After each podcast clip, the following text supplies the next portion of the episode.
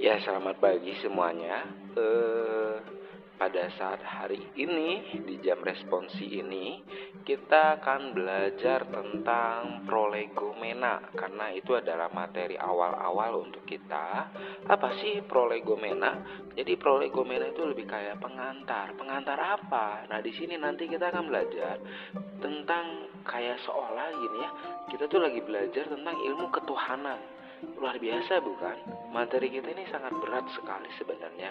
Tapi kita bisa diskusi ringan, kita bisa saling sharing juga karena pada nyatanya ya kita sebagai manusia kita memang punya definisi sendiri tentang Tuhan itu seperti apa oleh karena itu nanti mungkin ada waktu untuk bisa saling mempresentasikan pengenalan diri kita tentang Tuhan itu seperti apa gitu ya Nah, yang sekarang di jam responsi ini saya akan lebih kayak ngasih tahu beberapa hal tentang hmm, prolegomena itu sendiri gitu, yaitu ya teologi tentang Allah atau mungkin lebih spesifik lagi saya akan bahas tentang teologi proper, yaitu teologi tentang Allah. Dimulai dari definisi ini. Definisi Allah.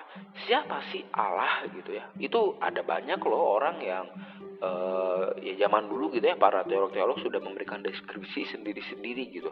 Ada yang bilang gini, Allah adalah roh yang tak terbatas dan sempurna.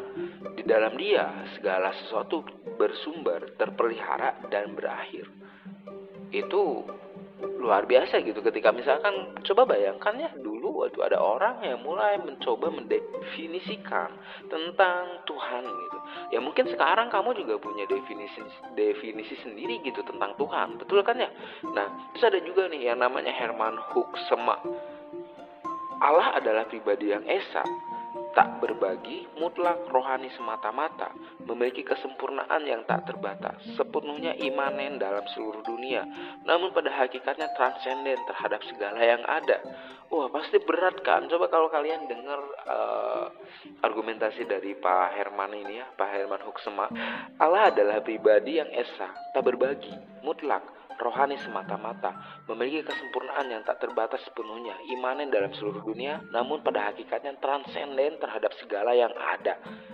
Dan ada juga yang bilang ini, Louis Berhoff bilang, Allah itu esa, sempurna, tidak berubah dan tak terbatas dalam pengetahuan dan kebijaksanaannya, kebaikan dan kasihnya, kasih karunia dan kemurahannya, kebenaran dan kekudusannya.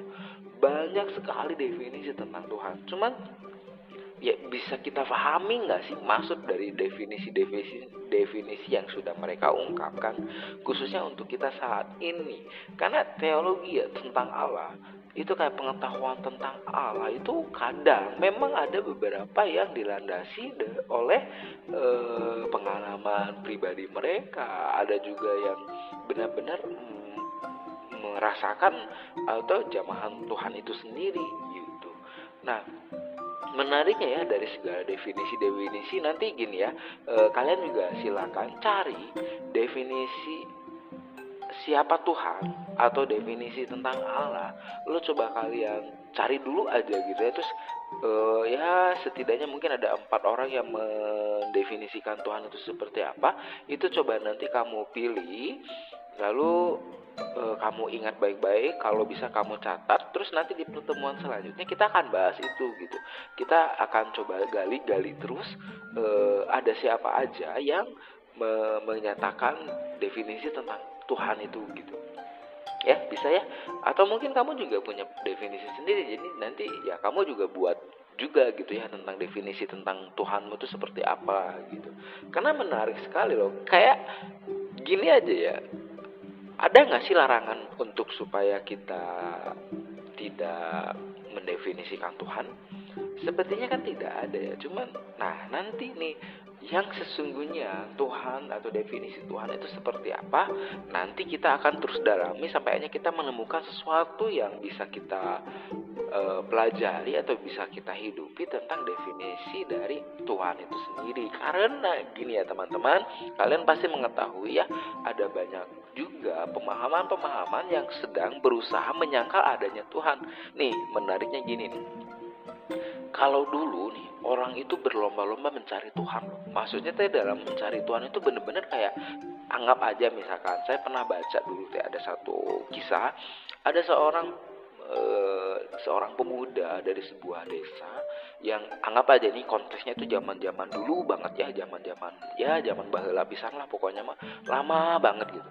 Jadi di zaman itu ketika dia jalan-jalan mengelilingi hutan terus dia melihat ada satu pohon memiliki buah yang sangat luar biasa mungkin sedap gitu rasanya untuk dinikmatin gitu. Alhasil dia samperin tuh karena baru kali itu dia melihat si pohon yang berbuah ini gitu dia deketin si pohonnya terus dia ambil buahnya lalu dia makan. Dan dia ngerasa wow enak banget ini buah. Wah ini kayaknya ada sesuatu yang di luar jangkauan otaknya gitu. Mungkin ada sesuatu hal supranaturalnya. Mungkin ini diberkati oleh dewa-dewa dan segala macam. Alhasil kepikiran tuh wah kayaknya saya harus kasih ucapan syukur kepada sesuatu yang ada di pohon ini. Dia kasih itu apa yang dia punya dia coba taruh di sekitar pohon-pohon itu. Karena dia ngerasa bahwa si pohon ini memberikan makanan yang sangat lezat buat dia. Lambat laun ketika dia sudah mengasih gitu ya ternyata pas musim panen dan terlihat buahnya makin besar eh mak makin banyak gitu ya otomatis dong orang itu ngerasa bahwa ketika gua kasih ini ketika gua kasih persembahan ini si pohon ini malah semakin banyak buahnya Berarti memang harus diginiin nih biar buahnya makin banyak. Akhirnya dia bikin, wah, terus dia percantik sedemikian rupa.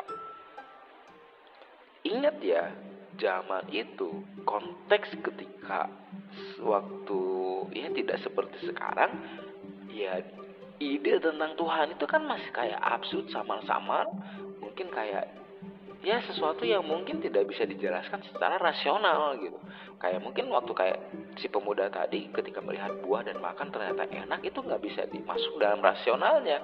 Siapa yang buat? Kenapa ada pohon? Apa segala macam? Itu mungkin belum belum nyampe ke situ. Tapi kalian harus percaya dan kalian harus tahu juga bahwa setiap kita manusia itu punya benih spiritual. Oleh karena itu dari zaman dulu banyak orang yang berusaha mencari Tuhan. Coba kalau kita lihat di zaman animisme, zaman dinamisme, mereka itu kayak nyembah Tuhan itu idenya itu dapat dari mana coba? Yang sampai mereka bikin dari batu, mereka bikin dari pohon, atau mereka ngerasa ada sesuatu hal supranatural dalam setiap tempat gitu ya. Entah itu mungkin pohon ini punya sosok apa batu ini punya sosok apa kayu ini punya sosok apa. Ya banyak lah ya dan menariknya gini menariknya itu beda-beda loh kayak misalkan kita budaya di Indonesia seperti apa kayak e, kalau di Jawa itu ada kejawen, di Sunda itu ada Sunda Wiwitan, terus ada di orang e, Sumatera itu ada Parmalin, terus banyak lagi lainnya kayak mereka punya ide sendiri tentang Tuhan itu gitu. Pada saat itu gitu kan, ketika zaman tidak seperti sekarang gitu. Menarik bukan? Bagaimana cara mendefinisikan setiap manusia ini tentang Tuhan gitu. Sampai eh, kalau kalian tahu ada yang pernah ke Jepang, kalau nggak salah di Jepang itu ya hampir tiap gang itu punya punya dewanya sendiri-sendiri gitu, punya Tuhannya sendiri-sendiri gitu. E, kepercayaan Shinto kalau nggak salah. Itu juga wow ini loh ya setiap manusia tuh punya definisi-definisi sendiri tentang Tuhan.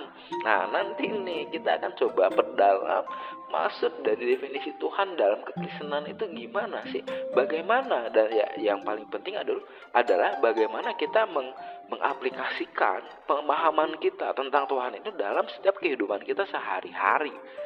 Ini seru ini, apalagi kalau misalkan kalian punya teman yang mengklaim dirinya itu seorang ateis, apalagi kalau misalkan kalian punya teman yang mengklaim dirinya se seorang agnostik gitu ya.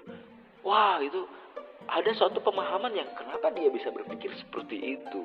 Itu yang nanti kita akan gali, kita akan diskusikan sama-sama. Sampainya kita mengerti Tuhan itu adalah Tuhan itu sendiri gitu.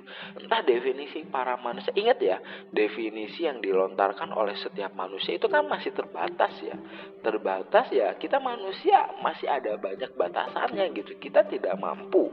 Bahkan kita sangat bakal sulit untuk bisa 100% mengenal keberadaan Tuhan itu sendiri gitu sulit loh 100% itu sulit banget gitu.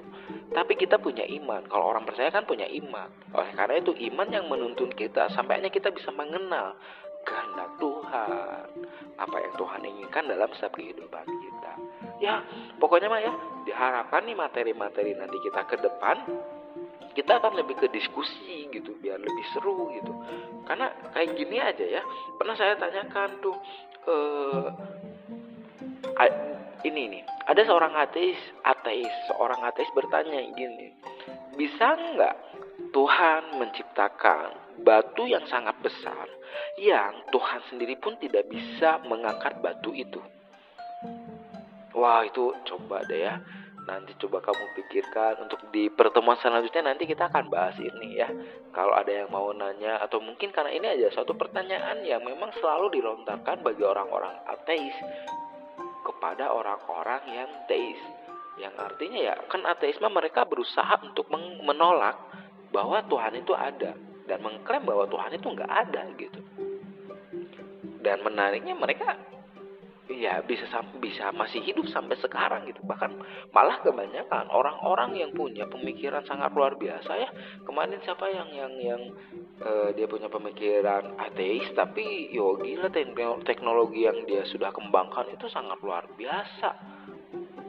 Pasti kalian tahu kan siapa dia yang duduk di kursi roda gitu meskipun dalam keterbatasan fisiknya tapi gila kemampuannya itu kan wow gitu kan ya kembali lagi ke ke materi kita. Pokoknya mah kalau kita coba perhatikan dari dulu zaman dulu sampai sekarang seolah kayak gini ya ke eh, yang awalnya dulu manusia itu sedang mencari Tuhan eh, menggali benar-benar mendalami gitu. Sekarang udah semakin tergerus ketika adanya teknologi semakin tergerus eh, apa ya semakin menggerus atau semakin menggerogoti pemahaman setiap manusia ini tentang adanya Tuhan. Kalau zaman dulu sebelum ada dokter nih, misalkan ada orang e, keseleo ketika dia tahu aduh tuh pasti gini ya pasti dia akan berserahnya sama Tuhan untuk bisa menyembuhkannya gitu ya kan dengan meski ya ada rampe ada rempah-rempahnya ya kan udah ada rempah-rempahnya. Terus makanya kalau kamu pernah melihat atau mendengar kisah dukun zaman dulu kan gitu ya. Ada bacaannya ada apanya ada sosok-sosok kayak sosok mistik atau sosok supranatural yang dia pakai untuk menyembuhkan orang-orang yang yang mungkin sedang kesakitan itu. Kalau zaman sekarang kamu kesel bawa ke rumah sakit terus di ronsen udah langsung ketahuan seolah kayak kayak ada satu anggapan bahwa ya ini kita manusia bisa kok me, me, menyembuhkan atau kita bisa kok melakukan apa pun yang yang ingin kita lakukan gitu. Nah, ada satu pergeseran ya kan yang dulunya mungkin menganggap bahwa Tuhan loh yang yang mengatur segala sesuatunya tapi sekarang ya kita pun bisa gitu kayak ya kita sudah mulai ya lihatlah ya kanan kiri kita teknologi kita udah semakin wow banget ketika dulu mah harus pakai surat ketika dulu mah ke mana-mana harus jalan kaki sekarang ya kan Bandung ke Jakarta bisa ditempuh dalam waktu 30 menit ya kalau dulu mungkin pas jalan kaki harus butuh berapa 30 hari atau 30 bulan kali ya jalan kaki dari Bandung ke Jakarta. Itu dulu. Dan sekarang kayak seolah menunjukkan bahwa manusia sudah tidak butuh lagi Tuhan. Oh, ada banyak loh para ilmuwan yang ingin menunjukkan bahwa kita bisa mandiri, kita bisa hidup tanpa adanya Tuhan. Wah. Jadi ini gimana nih tantangan kita ke depan sebagai remaja Kristen? Apalagi gini, kalian adalah generasi-generasi penerus nggak tahu di usia kalian nanti ketika kalian punya anak bagaimana nih pemahaman setiap para manusia ini tentang adanya Tuhan keberadaan Tuhan? Mungkinkah akan tergeser langsung menganggap bahwa Tuhan itu nggak ada? Atau mungkin gimana coba? Kalau seandainya kamu benar-benar ke kesadaran dirimu akan adanya Tuhan mengaplikasikan dalam setiap kehidupanmu sampainya nanti kamu menikah kamu punya anak kamu mengajarkan itu dan anak-anakmu pun mengenal bahwa Tuhan itu ada. Allah itu sangat luar biasa mengasihi setiap manusia. Tentu mereka pun pasti akan mengenal kebaikan kasih Kristus. Tapi ya kita lihat sendiri ya bagaimana fenomena yang terjadi. Karena saya rasa dan yakin nih teman-teman yang lagi mendengarkan ini pun saya rasa kalian juga mungkin ada satu kebingungan atau mungkin ada satu si hati atau si perasaan kalian tuh ngerasa bahwa Tuhan itu nggak ada gitu. Seolah ketika kalian berdoa itu kayak omong kosong. Seolah ketika kalian datang ke gereja itu kayak nggak ada faedahnya gitu Nah, nanti buat teman-teman yang seperti itu, nanti kalian bisa share ke saya. Karena waktu zaman SD pun saya sama seperti kalian. Saya pernah menganggap bahwa Tuhan itu nggak ada. Saya pernah menganggap bahwa Tuhan itu uh, lebih ke ya omong kosong lah dulu tuh pas zaman STM itu saya masih merasa merasakan hal itu. Jadi kalau misalkan kalian ada yang seperti itu nanti kalian bisa japri saya bisa kontak saya bisa ya kita lebih ke tukar pandangan kita bisa sharing kita ya karena gini saya pun pasti akan belajar dari kalian. Saya tidak mau dianggap lebih hebat dari kalian tapi saya mau ya kita sama-sama belajar. Kita sama-sama bertumbuh untuk mengenal Tuhan itu seperti apa. Jadi gitu saja ya. Ini saya sudah ngomong panjang lebar kali ya. Ini udah lebih dari 10 menit kayaknya. Jadi buat teman-teman semua eh, jam responsi ini kalian coba simak baik-baik apa yang sudah saya katakan buat bekal nanti di pertemuan selanjutnya. Ingat ya tadi ada satu yang saya minta kalian mencari definisi tentang Tuhan dari siapa pun itu coba kamu catat atau kamu ingat baik-baik tapi lebih baik kamu catat gitu. Kamu catat beberapa definisi yang dilontarkan oleh para teolog orang Kristen zaman dulu tuh tentang Tuhan tuh kayak gimana. Itu nanti kita coba diskusikan.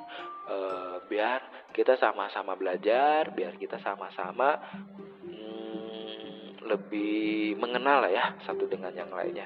Oke terima kasih sudah mendengarkan dan jika ada yang mau ditanyakan, nanti saya buka room untuk Google Meet. Kalian boleh join di situ dan kalian boleh bertanya ke saya. Oke, terima kasih. God bless you.